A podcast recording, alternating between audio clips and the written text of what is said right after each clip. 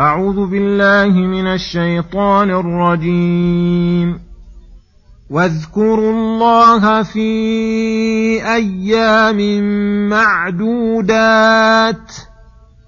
فمن تعجل في يومين فلا إثم عليه ومن تأخر فلا إثم عليه. لمن اتقى اتقى واتقوا الله واعلموا أنكم إليه تحشرون. ومن الناس من يعجبك قوله في الحياة الدنيا ويشهد الله على ما في قلبه وهو ألد الخصام. واذا تولى سعى في الأرض ليفسد فيها ويهلك الحرث والنسل والله لا يحب الفساد واذا قيل له اتق الله اخذته العزه بالاثم فحسبه جهنم ولبئس المهاد. ومن الناس من يشري نفسه ابتغاء مرضات الله.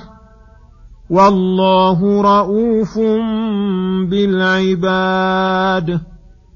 يا أيها الذين آمنوا ادخلوا في السلم كافة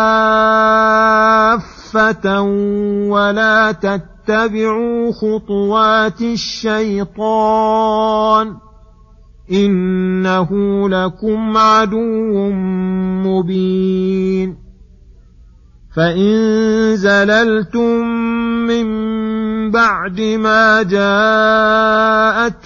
البينات فاعلموا أن الله عزيز حكيم. بسم الله الرحمن الرحيم. السلام عليكم ورحمة الله وبركاته. يقول الله سبحانه واذكروا الله في أيام معدودات. الآيات. يأمر تعالى بذكره في الأيام المعدودات. وهي أيام التشريق الثلاثة بعد العيد لمزيتها وشرفها وكون بقية المناسك تفعل بها ولكون الناس أضيافا لله فيها ولهذا حرم صيامها فللذكر فيها مزية ليست لغيرها. ولهذا قال النبي صلى الله عليه وسلم أيام التشريق أيام أكل وشرب وذكر الله. يدخل في ذكر الله فيها ذكره ذكره عند رمي الجمار وعند الذبح والذكر المقيد عقب الفرائض. بل قال بعض العلماء إنه يستحب فيها التكبير مطلق كالعشر وليس ببعيد فمن تعجل في يومين أي خرج من منى ونفر منها قبل غروب شمس اليوم الثاني فلا إثم عليه من تأخر أي بات بها ليلة الثالث ورمى من غد فلا إثم عليه. وهذا تخفيف من الله تعالى على عباده في إباحة كلا الأمرين. ولكن من المعلوم أنه إذا أبيح كلا الأمرين فالمتأخر أفضل لأنه أكثر عبادة. ولما كان في الحرج قد يفهم منه نفي الحرج في ذلك المذكور وفي غيره والحال أن الحرج منفي عن المتقدم والمتأخر فقط قيده بقوله لمن اتقى. أي اتقى الله في جميع أموره وأحوال الحج. من اتقى الله في كل شيء حصل له نفي الحرج في كل شيء. من اتقاه في شيء دون شيء كان الجزاء من جنس العمل. فاتقوا الله بامتثال أوامره واجتناب معاصيه. واعلموا أنكم إليه تحشرون فمجازيكم بأعمالكم ومن اتقاه وجد جزاء التقوى عنده ومن لم يتقه عاقبه وشد العقوبة. فالعلم بالجزاء من أعظم الدواعي تقوى الله فلهذا حث تعالى على العلم بذلك. ولما أمر تعالى بإكثار من ذكره وخصوصا في الأوقات الفاضلة الذي هو خير مصلحة وبر أخبر تعالى بحال من يتكلم بلسانه ويخالف فعله قوله قوله فالكلام إما أن يرفع الإنسان أو يخفضه. فقال ومن الناس من يعجبك قوله في الحياة الدنيا. أي إذا تكلم راق كلامه للسامع. إذا نطق ظننته يتكلم بكلام نافع. ويؤكد ما يقول بأنه يشهد الله على ما في قلبه. بأن يخبر أن الله يعلم أن ما في قلبه موافق لما نطق به. وهو كاذب في ذلك لأنه يخالف قوله فعله. فلو كان صادقا لتوافق القول والفعل كحال المؤمن غير المنافق.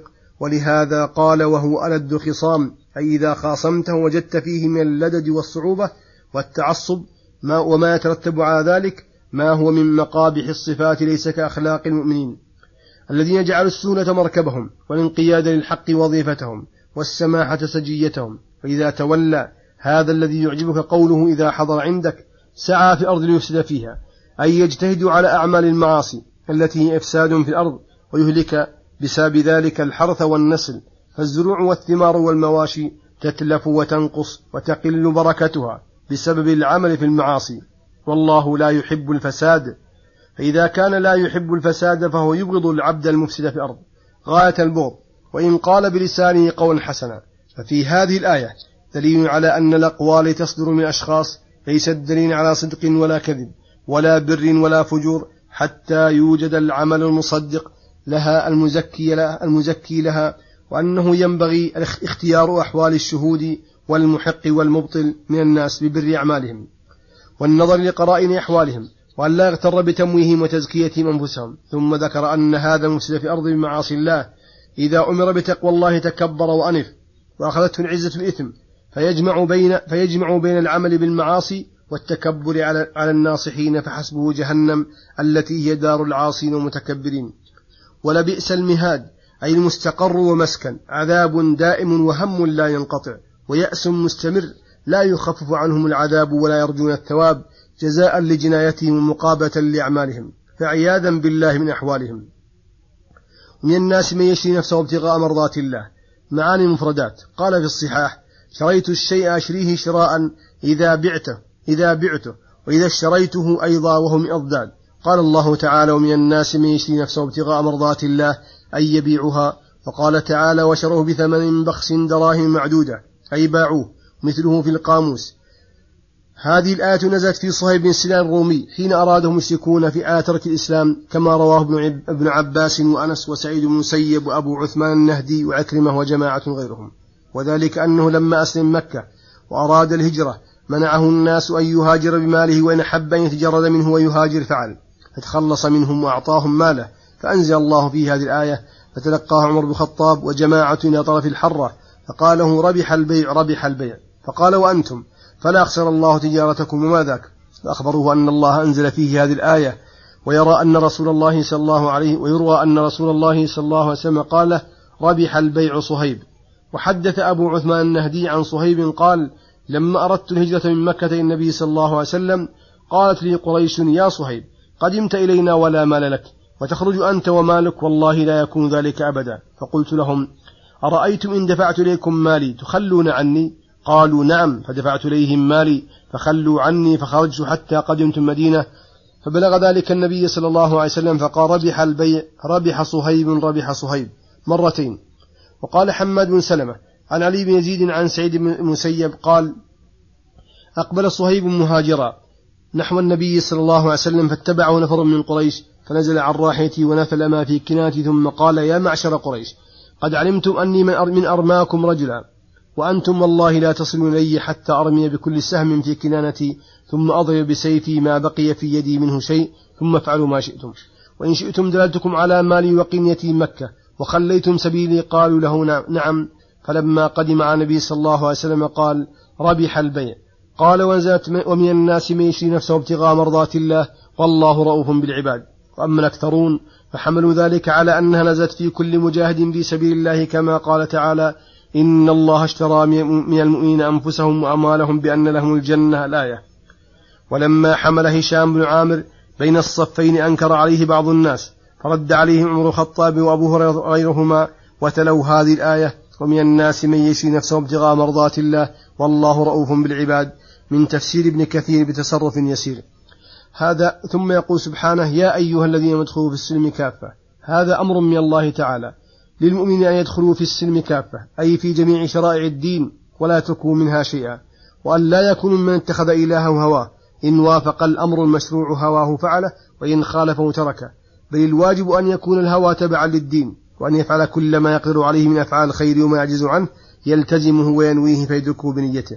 ولما كان الدخول في السلم كافة لا يمكن ولا يتصور إلا بمخالفة طرق الشيطان قال ولا تتبعوا خطوات الشيطان أي في العمل بمعاصي الله. إنه لكم عدو مبين ظاهر العداوة والعدو المبين لا يأمر إلا بالسوء والفحشاء وما به الضرر عليكم. ولما كان العبد لا بد أن يقع منه خلل وزلل قال تعالى فإن زللتم أي أخطأتم ووقعتم في الذنوب من بعد ما جاءتكم بينات أي على علم ويقين فاعلموا أن الله عزيز حكيم.